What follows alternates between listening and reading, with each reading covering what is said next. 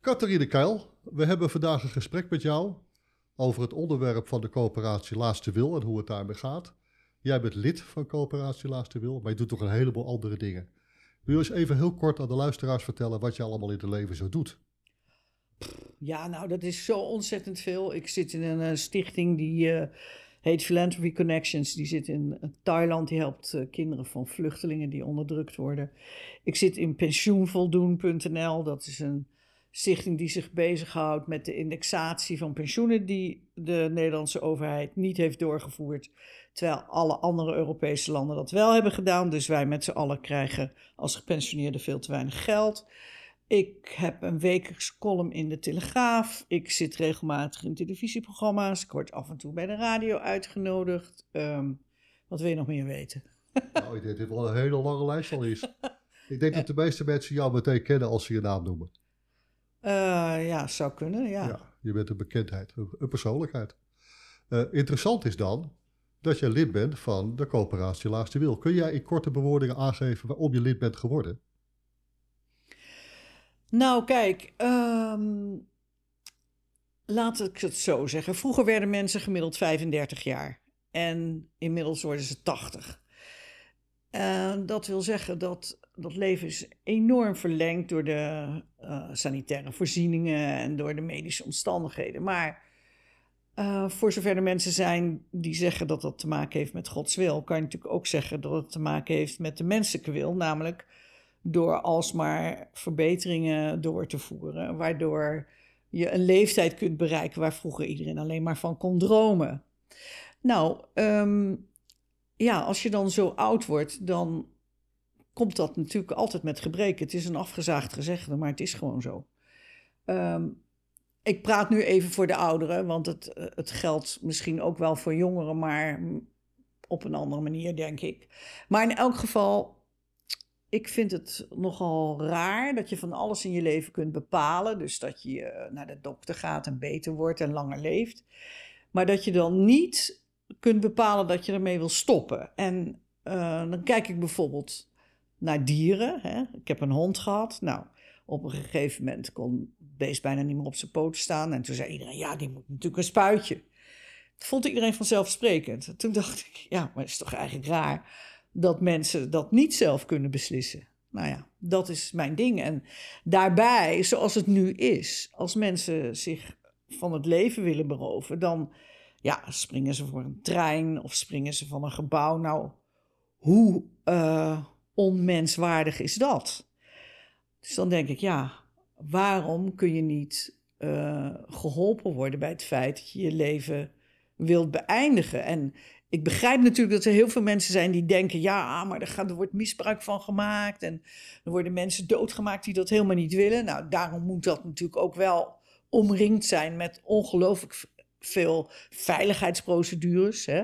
moet natuurlijk niet zo worden dat als iemand een hekel aan zijn buurman heeft, dat hij dan even een pilletje koopt. En uh, dat is, zou natuurlijk te gek zijn. Maar um, ja, dus, dus ja, ik, ik vind het raar dat je als menselijk individu niet kunt bepalen van en nu is het genoeg. Ja, uh, nou is een van de argumenten die door de tegenstanders wordt gebruikt vaak van ja, maar dat zou kunnen betekenen dat mensen die psychisch minder sterk in elkaar steken, uh, in een positie worden gemanoeuvreerd om een einde aan hun leven te maken, terwijl ze misschien op de lange termijn helemaal niet willen. Nou zeg, dat vind ik. Uh, ja, dat lijkt me nogal ingewikkeld eigenlijk. Ik bedoel, dat vind ik zo'n zo uitzonderlijke situatie. Ik ga nu even uit van mensen die gewoon hun hersens bij elkaar hebben. En die voor zichzelf allerlei redenen vinden na, na lang overleg. Ja, het moet natuurlijk niet iets zijn van om vijf uur denken, kom, laat ik eens om vijf of vijf een pil. zo werkt het natuurlijk allemaal niet. Daar ben je gewoon heel lang mee bezig. Dus het is een weloverwogen beslissing. Um, en uh, ja, ik, ik vind toch dat mensen daar het recht voor moeten hebben, toe moeten hebben. Ja. En zie je op dat punt dat er ook sprake zou moeten zijn van een minimumleeftijd? Als je 18 bent, dan ben je volwassen in de Nederlandse wetgeving. Betekent dat dan dat je op dat ogenblik met die leeftijd een dergelijke keuze zou kunnen maken? Of zeg je van nou, ik zie het toch wel wat anders tegenaan? Nou, ik vind dat een ongelooflijk moeilijke vraag. Want eh, toen ik heel jong was, heb ik zelf ook uh, geprobeerd om zelfmoord te plegen. En uh, dat was natuurlijk niet zonder reden. Ik was toen heel verdrietig en ja, ik, ik vond het echt de enige oplossing op dat moment. Nu ben ik natuurlijk heel blij dat het toen niet gebeurd is. Omdat uh, ja, ik nog een heel ongelooflijk interessant en fijn leven heb gehad. Dus ja, het blijft een on onvoorstelbaar moeilijke vraag. Ik weet dat er onder tieners heel veel zelfdoding is. Uh, het klinkt afschuwelijk, maar er zijn zeker in mijn omgeving vier of vijf gevallen van jongens en meisjes rond de 15, 16 jaar die voor de trein zijn gesprongen. Ja, ik weet, dat is gewoon afschuwelijk. Hè? Want het is zo definitief natuurlijk. Ik bedoel, ja, daar is geen.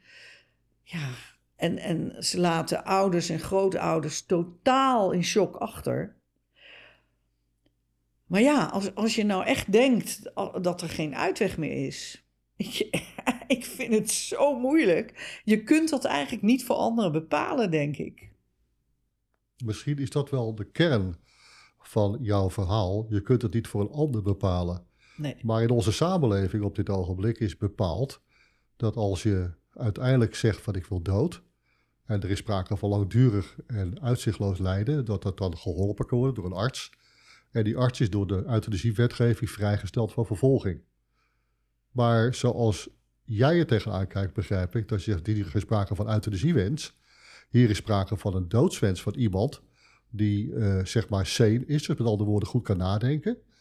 En dan zegt van, ik vind het mooi geweest. Ik wil ermee stoppen.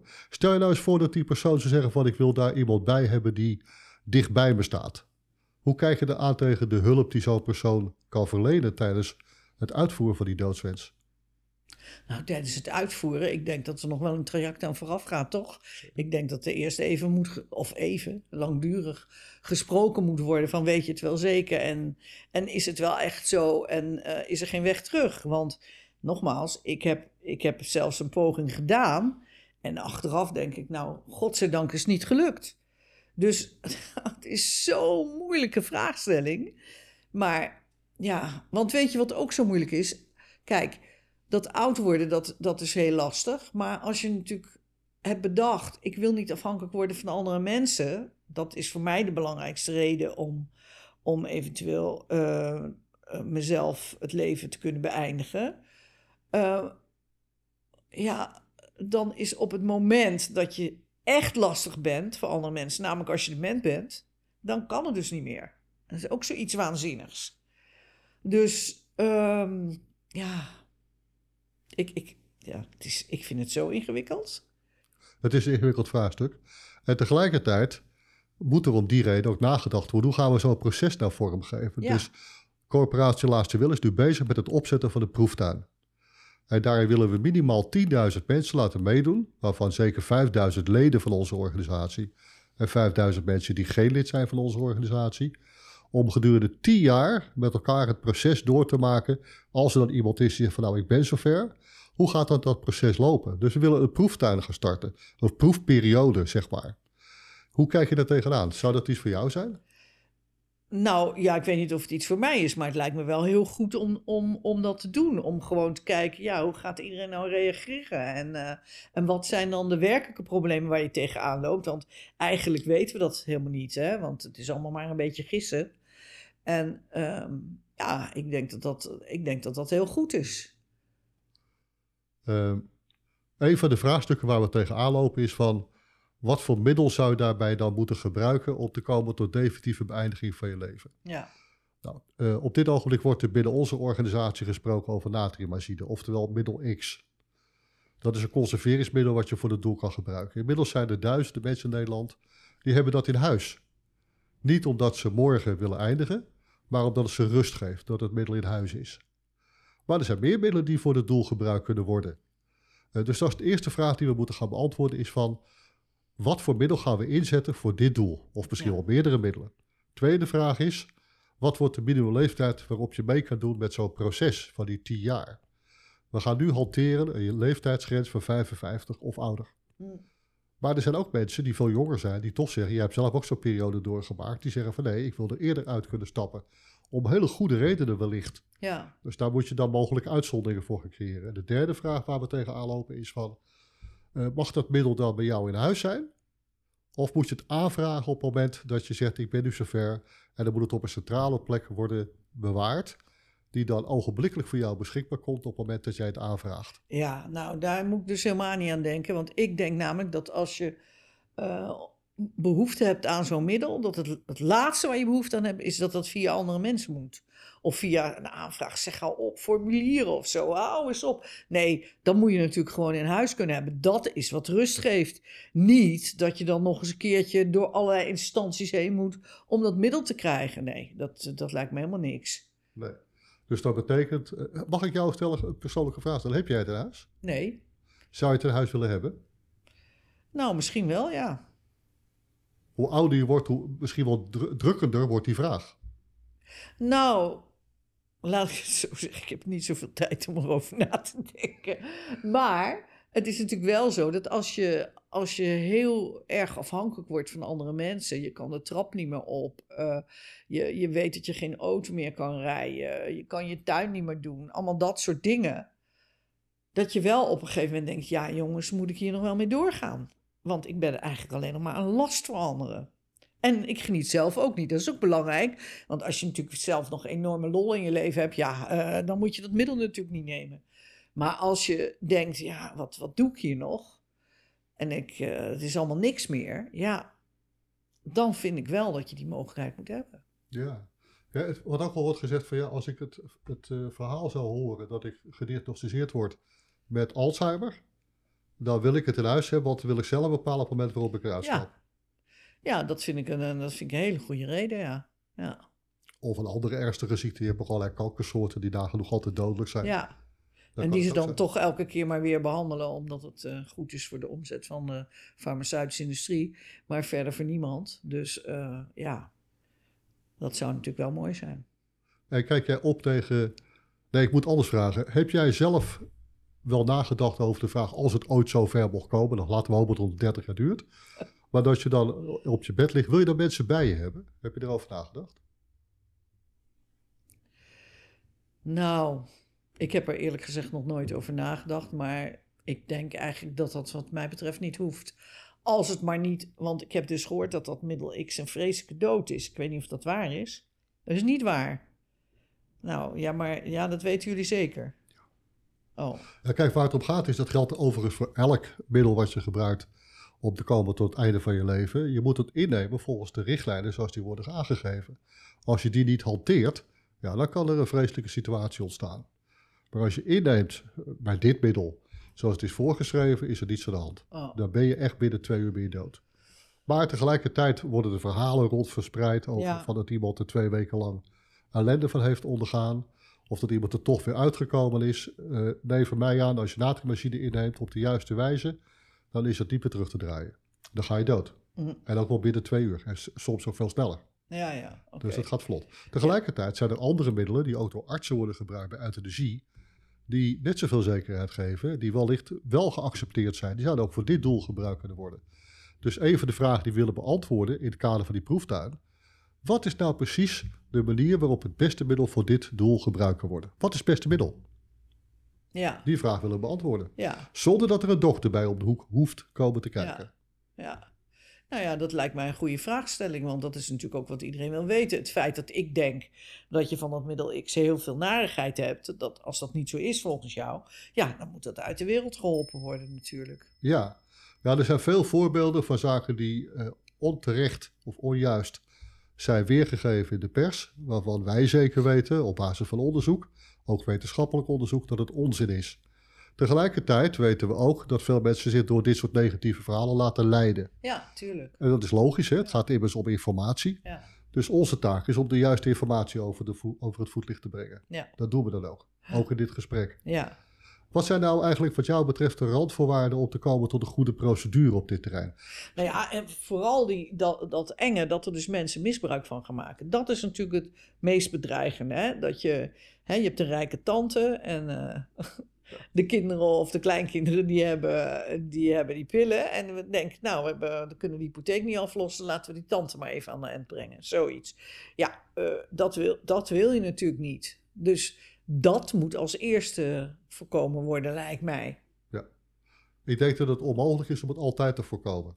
Net zo goed als dat de mes die je bij de blokken kan gebruiken worden om iemand te vermoorden, kan het ook met een middel zoals dit. Ja. Er zijn ook een heleboel geneesmiddelen die gebruikt kunnen worden om iemand dood te maken. Ja. Dus je moet inderdaad op dat punt proberen de kans dat het misgaat zo klein mogelijk Precies. te maken, maar uitsluiten kun je het nooit. Nee, dat begrijp ik. Maar ik vind wel dat er zoveel mogelijk eh, regels moeten komen om dat het, dat het in ieder geval niet zo is. Want dat las ik ook ergens, dat je bij de drogist kon halen. En ja, dat is natuurlijk absurd. Dat kan niet. Maar, uh, dus ik denk wel dat, het, dat mensen beschermd moeten worden daarvoor. Ja. Uh, als je nou nadenkt over de vraag van die bescherming. Uh, wij proberen er goed over na te denken. Wat voor soort maatregelen moet je op dit punt nemen? Zou een wachttijd in jouw ogen een logische stap zijn? Nou, ik denk dat dat niet slecht is. Want dan uh, ja, kunnen er twee dingen gebeuren. Of je denkt, uh, oh, even wachten tot het, tot het eindelijk zover is. Of, oh mijn god, wat goed dat ik, dat ik die wachttijd heb. Want ik, ik geloof toch dat ik het niet wil. Dus, want het is, ik denk wel dat het essentieel anders is als er een wachttijd is met het idee dat het kan, of met het idee dat het niet kan. Dat zijn twee heel verschillende dingen. Dus ik denk dat mensen daar dan ook uh, anders op gaan reageren. Zou er een beoordelende instantie tussen moeten zitten? Nou, die zegt dat van, lijkt me niet. Nee. Toen nou. Ja, dat, dat geregel en dat, die commissies en die. Die dan dat allemaal uit gaan zoeken en dan over twee jaar uitsluitsel geven over iets wat we al lang weten. Oh, ik word er zo moe van in Nederland. Ja. Ja, Ja. nee, dus dat, dat lijkt me niet, nee. Nee. En wat zou nou voor jou een belemmering zijn om die stap ooit te gaan zetten? Nou, ik vind het wel eng. Maar ik merk wel dat naarmate je meer krikkemikkig wordt, eh, je er wel anders over na. Hè, je denkt wel van, nou, nu is het mijn ene knie, ja, als het mijn andere knie ook nog is. Of, eh, nou ben ik gevallen, heb ik een heup gebroken, ja, hoe moet dit allemaal verder? Ja, ik, dan wordt die beslissing allemaal wel makkelijker. Even een vraag die ik ook zojuist heb gesteld nog een keer herstellen, maar dan in een andere vorm. Als jij wat ouder bent en je bent niet meer zo actief zoals je nu bent, zou je dat middel dan in huis willen hebben om de rust te vinden om... Nou ja, dat lijkt me sowieso wel. Er zijn ook eh, politieke situaties waarbij ik denk, nou zeg, hier heb ik echt geen zin in. Hè? Bedoel, ja, oorlog bijvoorbeeld. Moet er niet aan denken. Nee. Dus, eh, ja, maar voor de Tweede Wereldoorlog is, zoals je weet, ook een enorme golf van zelfdoding door Nederland gegaan. Want mensen gewoon die oorlog niet mee wilden maken. Ja, achteraf kan je zeggen, hadden ze dat nou niet moeten doen? Ja, dat weet je natuurlijk niet. Maar ja, het lijkt me vreselijk, oorlog eigenlijk. Weet je wat je nu duidelijk eigenlijk zegt? En dat, dat is iets wat heel veel mensen bezighoudt. Dat het een individuele afweging is die je maakt. Ja, Jij kunt niet beslissen voor een ander en een ander kan niet beslissen voor jou. precies. En dat betekent dat om die reden de huidige praktijk aangepast zou moeten worden. Deel jij die opvatting? Dat het namelijk niet mag en dat je ook geen hulp mag krij- krijgen. Er zijn een heleboel mensen die zeggen van ja, ik zou dolgraag op enig moment, wanneer het mij uitkomt, die stap willen zetten, maar wel met iemand erbij. Eh, mijn vrouw, mijn man, eh, mijn zochter, mijn, vader, weet ik wat, ik kan van alles een rol spelen. Eh, maar ik wil het niet alleen, ik wil dat er iemand bij me is. Nou, dat zou een mogelijkheid kunnen zijn. Maar dan moet het weer niet zo zijn dat die persoon vervolgd gaat worden door het Openbaar Ministerie. Nee, omdat hij verdacht wordt van hulp en zelfdoding. ja, dat is natuurlijk verschrikkelijk. Wat toen met die arts in Friesland gebeurd is, vond ik ook zo erg. Eh, ja.